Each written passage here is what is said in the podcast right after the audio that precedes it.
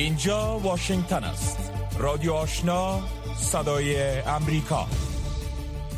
شنونده های عزیز سلام روز شما بخیر. و برنامه خبری صبحانه رادیو آشنا خوش آمدید که به میزبانی من نسرین محمود عزیزی و همکارم ژیلا سمعی پیشکشتان میگردد. در سرآغاز برنامه همکارم با مشروع اخبار. با عرض سلام. یک نظرسنجی جدید نشان می‌دهد که بازگشت طالبان به قدرت در افغانستان در ماه آگست منجر به رنج و علم بی سابقه در میان افغان ها شده است. نظرسنجی گالوب گفت اگرچه این بالاترین سطح بدبختی در افغانستان از سال 2005 است اما این علام از سال 2017 زمانی که طالبان یک حمله طولانی را برای بازپسگیری کشور آغاز کردند روند سعودی داشته است. در این میان زنان 96 درصد در مقایسه با 92 درصد مردان رنج را گزارش کردند و تفاوت قابل توجهی در سطح بدبختی مردم در میان مناطق افغانستان وجود ندارد. گالوب گفت که نیاز به کمک های بشر دوستانه در این کشور بسیار شدید است اما زمانی که روسیه در ماه فبروری به اوکراین حمله کرد توجه از افغانستان دور شده است.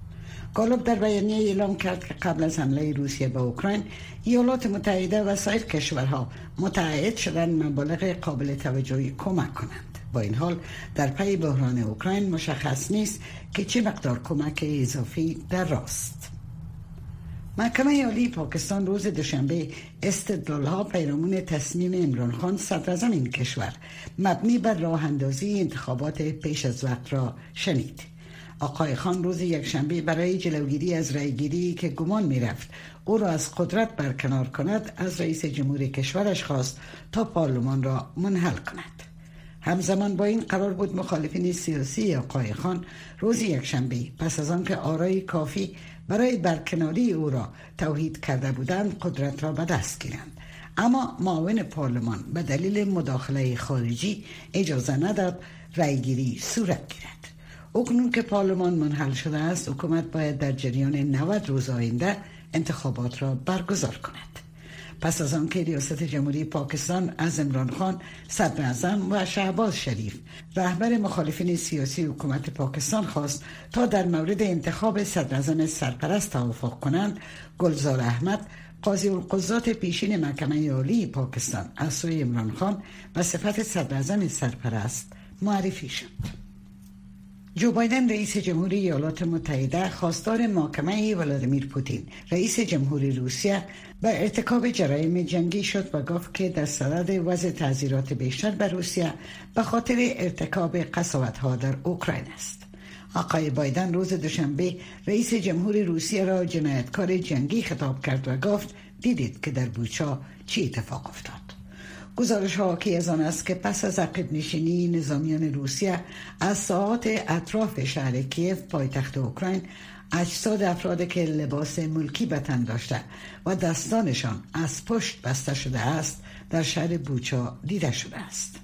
ولودیمیر زلنسکی رئیس جمهور اوکراین پس از دیدار از شهر بوچا گفت که اقدام روسیه در این شهر نسل کشی بوده. و از غرب خواست تا تحریم های سخت گیرانتر را بر روسیه وضع کند. با این حال رئیس جمهور بایدن کشتار جمعی در بوچا را نسل کشی خطاب نکرد. او گفت ما باید با اوکراین تحصیلات را فراهم کنیم که آنان برای ادامه جنگ بدان نیاز دارند. ما باید تمام جزئیات را در مورد کشتار بوچا گردآوری کنیم. مقام های قصر سفید گفتند که بحث ها در مورد وضع تحریم های جدید بر روسیه. پس از گزارش های اخیر در مورد قصاوت های ادعا شده شدت گرفته است. آقای بایدن نیز گفت که تحریم های جدید را وضع خواهد کرد. اما در مورد آن جزئیات ارائه نکرد. بازم با خبری از اوکراین اخبار را ادامه میدیم. پس از اینکه نیروهای روسی در مواجهه با مقاومت غیر منتظره اوکراین با استفاده از تسهیلات زدتان در نقاط دیگری در این کشور گیر افتادند و گفته لویدرسیز قوای مسلح اوکراین حدود 60 هزار نیروی ذخیره روسی برای تقویت حملات در شرق اوکراین فراخوانده شدند. مقامات در مناطق شمالی اوکراین که نزدیک به روسیه است گفتند که نیروهای روسی از آنجا و طور کامل عقب نشینی کردند و یا تعداد آنها به میزان قابل توجهی کاهش یافته است. یک مقام ارشد دفاعی ایالات متحده گفت که روسیه حدود دو سوم نیروهای خود را از اطراف کیف جابجا کرده است و بسیاری از آنها در کشور متحد نزدیک روسیه یعنی بلاروس جایی که انتظار می رود تجهیز شوند مستقر شدند. رویترز نمی‌تواند به طور مستقل اظهارات مربوط به تحرکات نیروهای روسیه را تایید کند جک سالوان مشاور امنیت ملی بایدن گفت که روسیه احتمالا تلاش خواهد کرد تا نیروهای اوکراینی را در شرق اوکراین محاصره کند و آنها را تحت کنترل درآورد در خبر دیگر در واکنش به تهاجم نظامی روسیه بر اوکراین فرانسه 35 و آلمان 40 دیپلمات روسی را اخراج می کنند. وزارت خارجه فرانسه گفته است که من حیث بخشی از اقدام مشترک اروپا در مقابل تهاجم نظامی روسیه بر اوکراین 35 دیپلمات روسی را از این کشور اخراج می کند. وزارت خارجه فرانسه روز دوشنبه با نشر اعلامیه‌ای گفت که فعالیت های این دیپلمات ها مخالف منافع امنیتی این کشور است. در همین حال بر اساس گزارش نشریه بلومبرگ آلمان نیز روز دوشنبه گفت که چل دیپلمات روسی را اخراج می کند.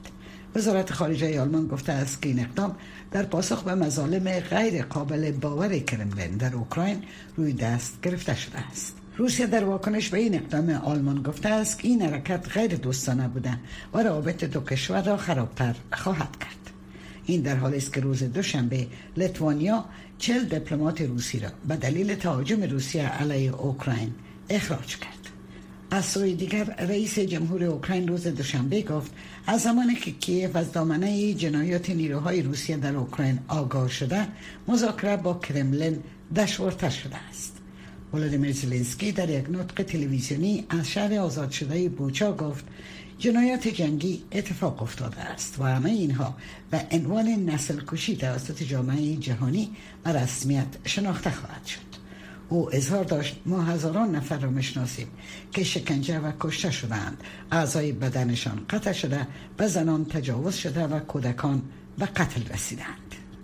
و ایلن ماسک رئیس شرکت تسلا و میلیاردر امریکایی با خریداری بیش از 9 درصد سهام شبکه اجتماعی تویتر که ارزش آن به حدود 3 میلیارد دلار می‌رسد بزرگترین سهامدار این شبکه اجتماعی شد. آقای ماسک 73.5 میلیون سهام تویتر را خریده است و تا هنوز هدف وی از این اقدام غیر منتظره مشخص نیست. اما چندی پیش این سرمایه دار امریکایی در حساب کاربری تویتر خود که 80 میلیون دنبال کننده دارد. تویتر را به خاطر عدم پابندی و آزادی بیان و تضعیف دموکراسی نقد کرده بود.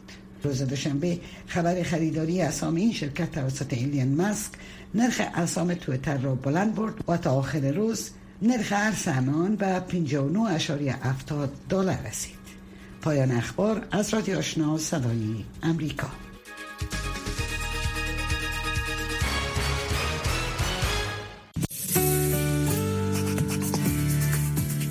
شنوندگان گرامی رادیو آشنا صدای امریکا نشرات رادیو آشنا را در موج متوسط 1296 موج کوتاه 11575 اشاری سفر و در موج 972 کیلوهرتز شنیده می توانید.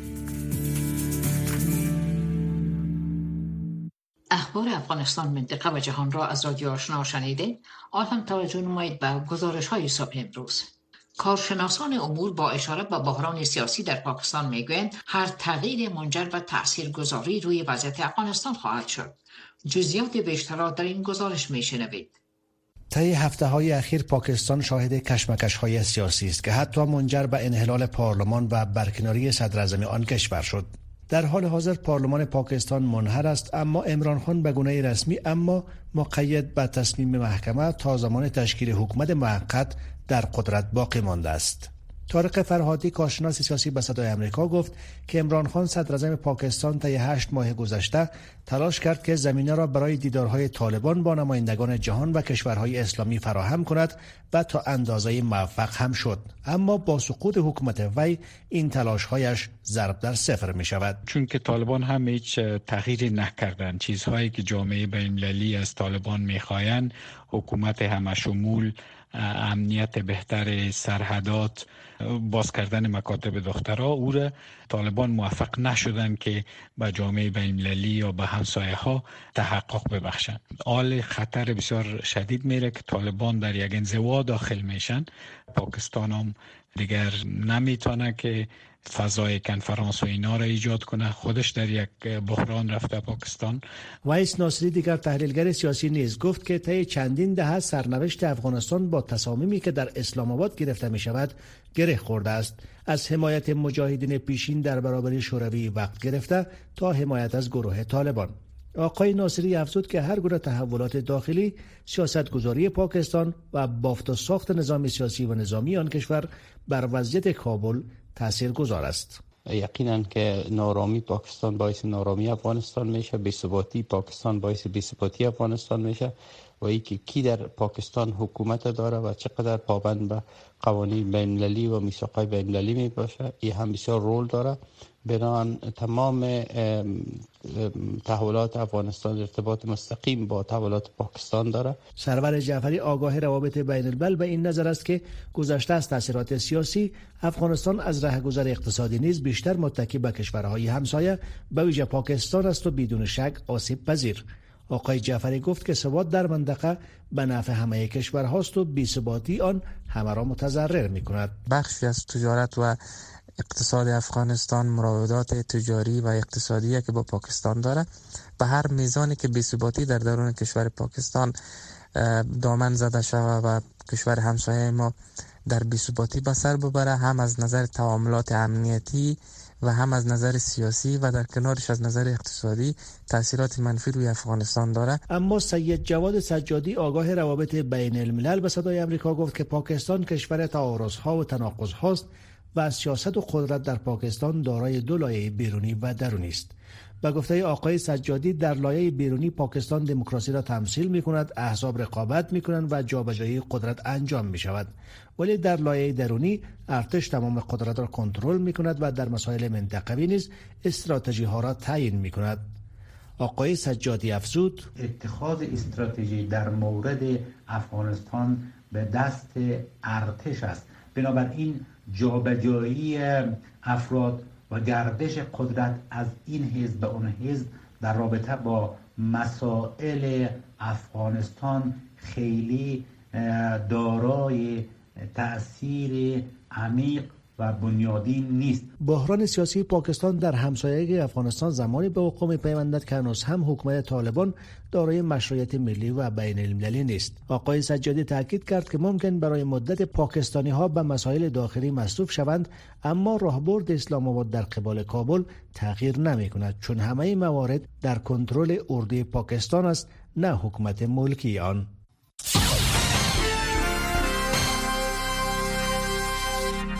سرمقاله ای را که می شنوید دیدگاه های حکومت ایالات متحده را منعکس می کند. تصمیم طالبان مبنی بر ممانعت از رفتن دختران به سنوف بالاتر از ششم عقب نشینی از تعهدات رهبری طالبان و مایه نومیدی هزاران دختر است که به تاریخ 23 مارچ در سر تا سر افغانستان در مکاتب حضور یافتند و فقط با درهای بسته مکاتبشان روبرو شدند.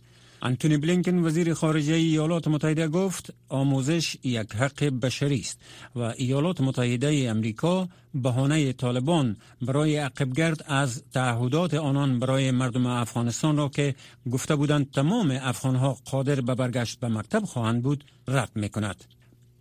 ما با دختران افغان و خانواده های آنان می که آموزش را به عنوان راه برای تحقق نیرومندی تام جامعه و اقتصاد افغانستان می نگرند. رینا امیری نماینده ویژه امریکا در امور زنان و دختران افغان و حقوق بشر این ممانعت طالبان را خیانت به خانواده های افغان عنوان کرد. او گفت این یک اقدام افغانی نیز نیست چون بسیاری از نظرسنجی ها حمایت گسترده افغان ها از آموزش دختران را نشان می دهد. از زمانی که طالبان در ماه اگست سال 2021 بر افغانستان مسلط شدند زنان به خاطر جنسیتشان با تبعیض و محدودیت های جدید به شمول طرز لباس پوشیدن رفتار و سیر و سفر روبرو شده اند شبکه های تلویزیونی افغانستان از پوشش موضوعات مربوط به زنان منع شده و ده مدافع حقوق زنان بازداشت یا ناپدید شده اند. اقدام اخیر طالبان به خاطر ممانعت دختران از آموزش به پیمانه گسترده در سطح بین المللی محکوم شده است. منشی عمومی سازمان همکوری های اسلامی به خاطر این تصمیم غیر منتظره ابراز تأسف عمیق کرد و گفت مردم افغانستان اهم از پسران و دختران باید شاهد باشند که حقوق بنیادیشان به شمول آموزش به کلی احترام می شود. به تاریخ 24 مارچ وزیران خارجه کانادا، فرانسه، ایتالیا، نروژ، بریتانیا، ایالات متحده و نماینده عالی اتحادیه اروپا عقبگرد طالبان از تصمیم بازگشایی مکاتب دختران را محکوم کردند. در این اعلامیه آمده است از طالبان می خواهیم این تصمیمشان را که پیامدهای فراتر از زیان به دختران افغان دارند برگردانند اگر این تصمیم برگردانده نشود دورنمای انسجام اجتماعی و رشد اقتصادی افغانستان آرزومندی برای مبدل شدن این کشور به یک محترم جامعه جهانی و تمایل افغانها به برگشت از خارج به کشورشان را زیان عمیق خواهد رسانید. این تصمیم بر چشم انداز طالبان برای کسب حمایت سیاسی و مشروعیت چه در داخل و چه در خارج از افغانستان تأثیر اجتناب ناپذیر خواهد داشت. هر شهروند افغانستان پسر یا دختر زن یا مرد حق برای آموزش در تمام سطوح و در تمام ولایات آن کشور دارد. آنچه را شنیدید باستاب دهنده نظر حکومت ایالات متحده بود. یک زن هنرمند مصری فرهنگ آمیانه را با ظروف سنتی گلی که برای نوشیدن و نگهداشت آب استفاده می کرد در تولید فانوس های تزئیناتی دستساز در ماه رمضان ادغام کرده است. گزارش آژانس رویترز را در زمینه از همکار ما لیلما حبیب عظیمی می شنوید. مصری ها در ماه مبارک رمضان که از شنبه امسال آغاز شد با خرید فانوس برای تزیین خانه ها، جاده ها و محله های خود جشن می گیرند. این کشور قبلا میلیون ها دلار فانوس را از خارج وارد می کرد. با این حال در سالهای اخیر ممنوعیت واردات فانوس توسط دولت باعث شده است که تعداد زیادی از هنرمندان مصری به ساخت آنها در داخل کشور رو آورند. عبیر انتر هنرمند مصری بخشی از خانه خود را به یک کارگاه هنری تبدیل کرده است تا به تولیدات خلاقانه و هنری خود بپردازد او خیاطی می کرد نقاشی می نمود و اخیرا استعداد خود را در ساختن وسایل الهام گرفته از ماه رمضان کشف کرده است من از کوزه های کوچک آب و ظروف گلی استفاده می کنم که در فرهنگ ما برای نوشیدن آب استفاده می شود. از گل پخته ساخته شده و گفته می شود که آب را تصفیه می کند و آن را سرد نگه می دارد و خیلی ها قبل از ساخت یخچال در خانه ها مورد استفاده قرار می گرفت. و امسال ظروف آب گلی را با هنر شرقی در ساختن فانوس ادغام نموده است. از زمان خلافت فاطمی در بیش از 1100 سال قبل فانوس ها با رمضان در مصر مرتبط بودند. امروزه فانوس هدیه رایج برای کودکان در ماه روز است. عبیر برای گسترش روحیه شاد رمضان سعی می کند هر فانوس را خاص و منحصر به فرد بسازد. او می گوید من تا جایی که امکان دارد سعی می کنم در هر قطعه نوآوری کنم تا هر یک منحصر به فرد باشد. من نمی‌خواهم مشتریان وارد مغازه شوند و اقلام مشابه را در ویترین ببینند.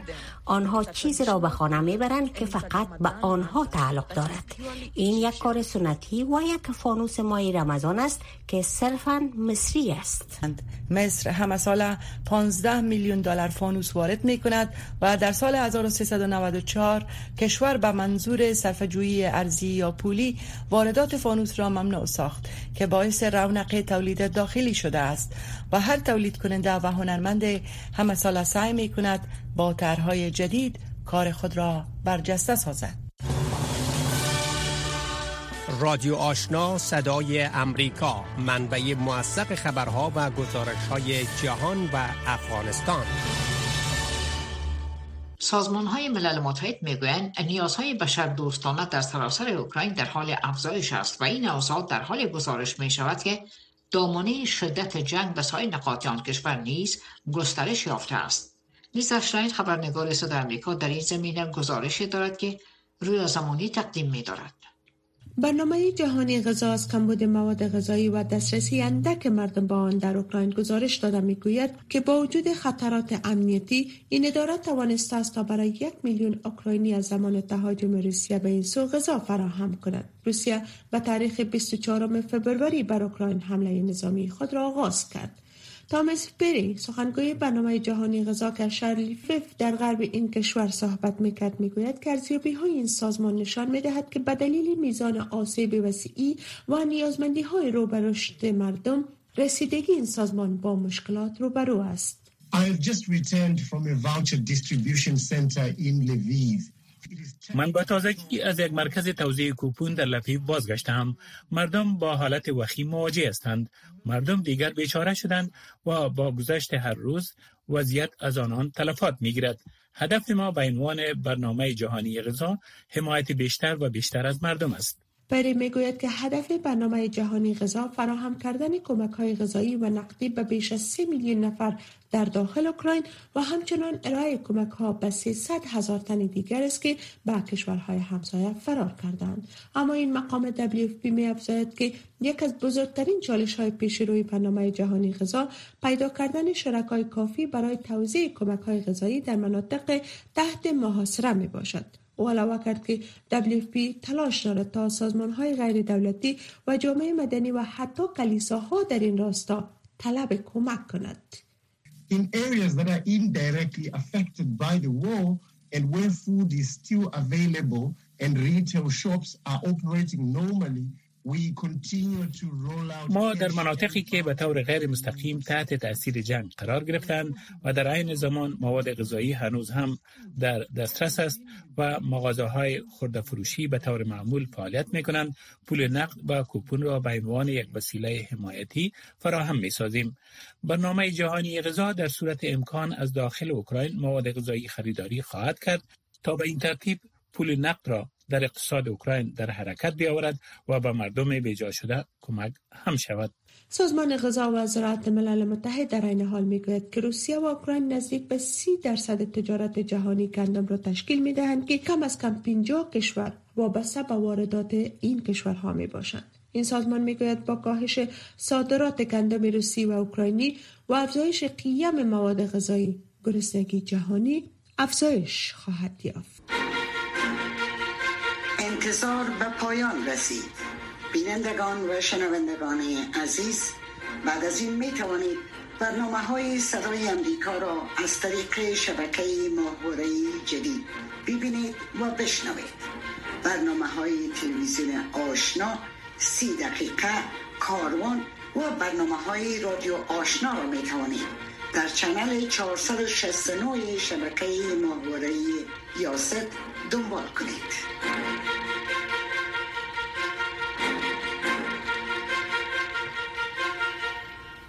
پیام رادیو آزادی را از امواج رادیو آشنا شنیدید و هم توجه نمایید با آخرین گزارش این بخش. امران خان بعد از آن که معاون پارلمان پاکستان طرح سلب اعتماد وی را که از سوی احزاب مخالف حکومت پیشنهاد شده بود رد کرد درخواست منحل ساختن پارلمان و برگزاری انتخابات را تا 90 روز آینده از رئیس جمهور پاکستان نمود. درخواستی که رئیس جمهور آن کشور آن را پذیرفت. اما احزاب مخالف حکومت پاکستان ادعا دارند که منحل ساختن پارلمان در آستانه روند سلب اعتماد عمران خان یک اقدام غیر قانونی است. لینا روزبی در صحبت با طارق فرهادی کارشناس امور سیاسی در مورد بحران جاری در پاکستان صحبت نموده که با هم میشنوید ابتدا برداشت شما از اینکه عمران خان ایالات متحده را متهم به طرح برکناری خود کرده و نه بحران مالی را که تورم به اوج خود در پاکستان رسانده چیست؟ بله در حقیقت از سال 2018 که عمران خان آمده خود روپیه پاکستانی از 100 روپیه به یک دلار به 180 روپیه به یک دلار رفته. یعنی که مدیریت اقتصادی عمران خان موفق نیست. امریکا در این حال یک شریک بسیار مهم اقتصادی پاکستان است. پاکستان هر سال 5 میلیارد تا 6 میلیارد دلار صادرات داره به امریکا نساجی زیادتر چیزهایی که دست پاک و روی جایی و چیزهایی که در امریکا خریده میشه اگر نزدیک ببینین عموما یا از بنگلادش آمده یا از پاکستان آمده. و این بر از میگیم که کسانی که این صادرات 5 میلیارد در پشتش کمپانیایی هستند که اونا منافع دارن به ای که روابط پاکستان و امریکا خوب بمانه و حتی این کسایی هستند که در پارلمان هستند 17 نفر از حزب تحریک انصاف خود امران خان از حلف خارج شدن. وقتی که دیدن که امرای امریکا روابط به صورت متعادل پیش برده نمی‌تونه امران خان شریکایش از پیشش خارج شدن. و در خود امریکا 500 هزار پاکستانی است و اینا هر کدامشان پول میفرستن به پاکستان و ارتباط اقتصادی که بین امریکا بله. و پاکستان است بسیار پهناور است. نسبت به که مثلا امرای روسیه امرای چین. ساختار پاکستان نقش اردو همیشه در اوضاع و تحولات پاکستان به خصوص تحولات سیاسی برجسته تر از گروه الیت یا سیاست مداراست جنرال باجوه طوری که شما گفتین روابط خوب و عمیقی با ایالات متحده داره و روسیه را حتی محکوم به تهاجم بر اوکراین کرده ولی عمران خان روابط حسنه با روسیه داشت. به نظر شما یک تنش بین عمران خان و اردوی پاکستان تا چه حد روی شکلگیری بحران تاثیرگذار بوده؟ بله از 1947 به این طرف که پاکستان به وجود آمده بسیار به زودی قدرت پیش اردو آمد. در پاکستان قدرت پیش اردو است. صدر اعظم یک آرایش واره است که یک نفر صدر اعظم می سازن اما او آدم باید حمایت اردو را داشته باشه. خود اردو امران خان آورد به قدرت در سال 2018 ولی روابط از اینا در این سال آخر خراب شد. بین باجوه وقتی که فیض حمید رئیس آیسای به کابل رفت در 3 سپتامبر و در اونجا سه روزمان بعد از او باز حکومت طالبان اعلان شد یعنی یک رسوایی شد بر پاکستان. و بعد از او اردو خواست که فیض حمید تبدیل کنه. رئیس آیسای و این کار شد اما باز رئیس آیسای امران خان باعث کور کماندر در پشاور مقرر کرد. خب بین از اینا یک تخریش آمد و حمایت باجوار امران خان از دست داد. انال ای چرا ای میگیم مهم است به خاطر که در سه ماه آینده هم که اگه ای بخواه که کمپین کنه که باز صدر شوه اردو دیگه ای آدم حمایت نمی‌کنه. پس کریرش در اینجا خلاص شده. قسمی که یک فیلسوف فرانسوی میگه وقتی که انقلاب میشه پیش از انقلاب بسیار گپای دیگه شده که به گپ به انقلاب کشیده. در بله. حقیقت اردو عمران دراپ کرده گذاشتش دیگه. اگر برگردیم آقای فرهادی به اوضاع در افغانستان عمران خان و برخی دیگه از سیاستمدارای دور و بر و نزدیکش برای طالبان تبلیغ زیاد می‌کردن کوشش می‌کردن برای حکومت طالبان به رسمیت شناخته شود. حال با این بحران سیاسی که در اوضاع سیاسی پاکستان رونما شده حکومت طالبان و اوضاع در افغانستان چگونه از این متاثر میشه؟ بله خصوصا امران خان به چین وعده کرده بود که ما در افغانستان به شما راه را باز می‌کنیم. تا اندازه که حتی وزیر خارجه چین اینا در کنفرانس دوم کنفرانس اسلامی که بود دعوت کردن و بعد از او ترغیب کردن که تو برو کابل. وزیر خارجه یک قدرت آمد به کابل. در حقیقت کلش کارهای پاکستان بود و اینا می‌خواستن که برغم خودشان برای چین هم اطمینان بدن که افغانستان در اختیار چین هم میآید. تاثیری سر افغانستان هم خوب بوده می‌تونه هم بد بوده می‌تونه.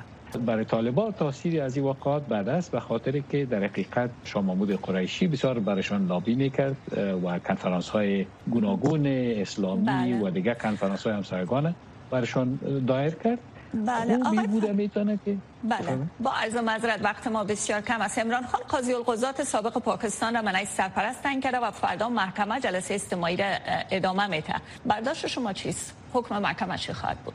اگر محکمه حکم بده که کار عمران خان غیر قانونی بود حاجت به 90 روز انتظار نیست. دیگه پارلمان پس می‌تونه که رای بده و عمران خان ترک اگر محکمه بگه که خوب بان انتخابات شود سه ماه اینا و حزب اپوزیشن انتخابات می‌کنن. بعد از اون باز کدام کس دیگه می‌بره؟ چون که اردو وقت حمایت خود از عمران خان با سکوت خود کشیده. شنوندگان عزیز در اینجا می رسیم به پایان بخش دوم برنامه صبح امروز رادیو آشنا. چند لحظه بعد نشرات برنامه رادیو آزادی را دوی حمید موج می شنوید که تا هفت شام به وقت کابل ادامه دارد. تا ساعت هفت شام که بار دیگه با نشرات رادیو آشنا در خدمت خواهیم بود با شما عزیزان خداحافظی می کنیم الطاف خداوند بدرقه راه شما.